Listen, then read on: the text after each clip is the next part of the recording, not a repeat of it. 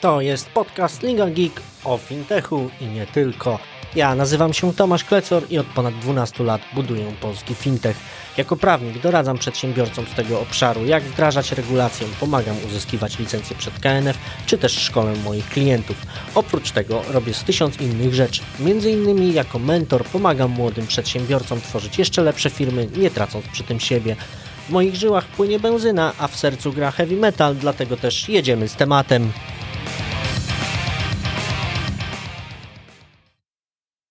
Dzisiaj opowiem Ci o najważniejszych zmianach prawnych dotyczących działalności lombardów. Zmianach, które wchodzą w życie 7 stycznia 2024 roku. Podstawową kwestią, która dotyczy działalności lombardowej w świetle nowych przepisów, jest konieczność uzyskania wpisu do rejestru prowadzonego przez Komisję Nadzoru Finansowego, czyli w skrócie takiej licencji. Aby uzyskać ten wpis, należy złożyć odpowiedni wniosek do KNF i KNF podejmuje decyzję o tym, czy dany lombard wpisać do, w zasadzie nie lombard jeszcze, wpisać do tego rejestru, czy nie. Dopiero od momentu uzyskania wpisu możemy posługiwać się słowem lombard. W przypadku nowych działalności ten wpis musi zostać uzyskany przed rozpoczęciem jej prowadzenia prowadzenia w sensie operacyjnym, bo firmę jako spółkę musimy mieć już zarejestrowaną. Natomiast co w przypadku lombardów, które działają w dniu wejścia w życie ustawy, działają wcześniej? Tu ustawodawca przewidział sześciomiesięczny okres przejściowy na złożenie takiego wniosku. Po tym okresie, jeżeli nawet KNF nie zdąży nas wpisać do rejestru, ale zmieścimy się w tym sześciomiesięcznym terminie, sześciomiesięcznym terminie liczonym od dnia wejścia w życie ustawy, czyli 7 stycznia, to i tak możemy nadal prowadzić działalność do czasu rozpatrzenia wniosku. Czy to jest długi termin, czy krótki? Wbrew pozorom, patrząc na inne obowiązki, które musimy spełnić, to nie jest termin taki długi. Dlaczego mówię o innych obowiązkach? Kolejnym Kolejną nowością dotyczącym prowadzenia działalności lombardowej jest konieczność jej prowadzenia w formie spółki albo z ograniczoną odpowiedzialnością, albo spółki akcyjnej, pełnej spółki akcyjnej. Co więcej, w przypadku spółki z ograniczoną odpowiedzialnością, minimalny kapitał zakładowy dla takiej spółki musi wynieść przynajmniej 50 tysięcy złotych. Czyli nie możemy już prowadzić lombardów w formie czy to spółki komandytowej, czy to spółki jawnej, czy jednoosobowej działalności gospodarczej.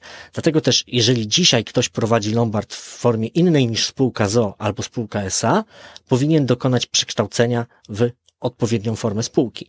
Takie przekształcenie powinno być dokonane zgodnie z przepisami kodeksu spółek handlowych. To po to, aby skorzystać z tego sześciomiesięcznego okresu przejściowego.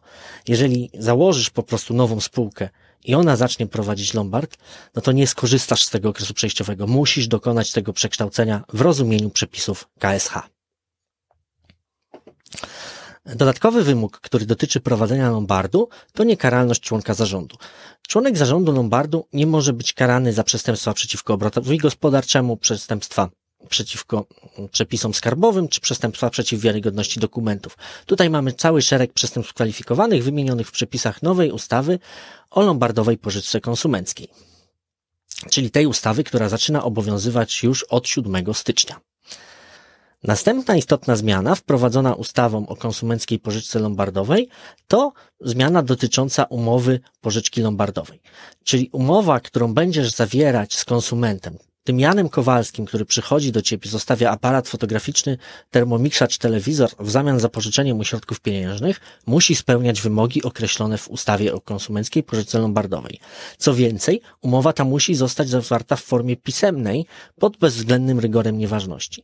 Czyli jeżeli to nie będzie umowa na piśmie z podpisami odręcznymi lub w formie elektronicznej opatrzona kwalifikowanymi podpisami elektronicznymi, to zwyczajnie będzie nieważna. E, jeżeli jesteś zainteresowany tym, co powinna zawierać taka umowa, no to tych wymogów jest trochę więcej, one są szczegółowo określone w ustawie. Jedną z największych nowości dotyczących prowadzenia lombardów po 7 stycznia 2024 jest konieczność stosowania przepisów ustawy o przeciwdziałaniu praniu pieniędzy i finansowaniu terroryzmu, czyli tzw. Tak ustawy AML-CFT. Co się z tym wiąże? Przede wszystkim konieczność wdrożenia odpowiednich procedur. Takie procedury też muszą być zgodne z przepisami ustawy.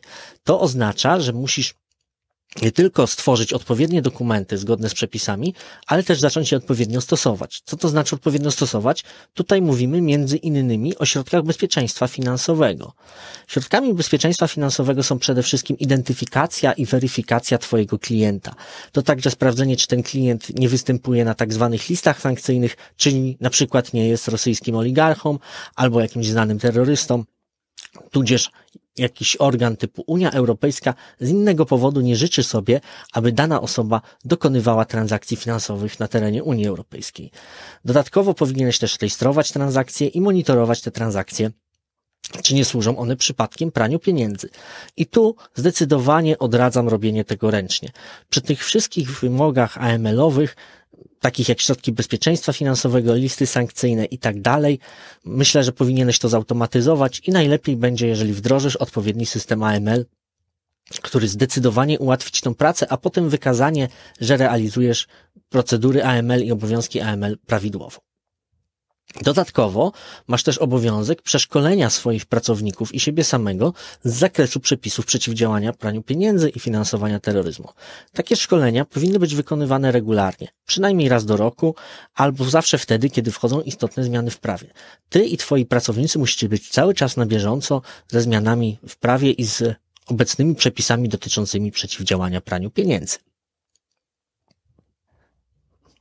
Jak przygotować się do zmian wprowadzonych ustawą, jeżeli już dzisiaj prowadzisz Lombard?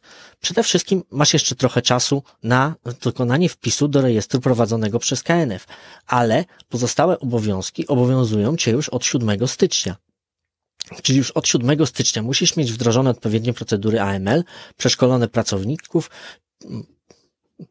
musisz mieć przeszkolonych pracowników, czy też musisz chociażby mieć odpowiednie wzory umów. Zdecydowanie warto tutaj skorzystać z profesjonalnych doradców, prawników, którzy się na tym znają i się w tym specjalizują, aby pomogli Ci przygotować odpowiednie dokumenty, pomogli Ci przeszkolić Twój zespół i wdrożyć procedury przeciwdziałania praniu pieniędzy. I jeżeli chcesz robić to tak jak należy, to ja również rekomenduję Ci skorzystanie z rozwiązań automatyzujących procedury AML i rozwiązań automatyzujących spełnienie obowiązków ustawowych, takich jak identyfikowanie i weryfikowanie Twoich kontrahentów i tu najlepszym rozwiązaniem będzie wdrożenie odpowiedniego systemu AML. Dziękuję za uwagę. Jeżeli interesuje Was tematyka związana z fintechem, jeżeli interesuje Was fintech, to zapraszam do subskrybowania naszego podcastu, śledzenia naszych kanałów w mediach społecznościowych. Linki do dokumentów, które wspominałem, znajdziecie w opisie podcastu. Tam też znajdziecie kontakt do nas. A jeżeli nie chcecie się kontaktować ze mną e-mailowo, wolicie zadzwonić, nic prostszego, po prostu wpiszcie w Google moje nazwisko Tomasz Klecor, bo Tomasz Klecor jest tylko jeden. Dziękuję, do usłyszenia.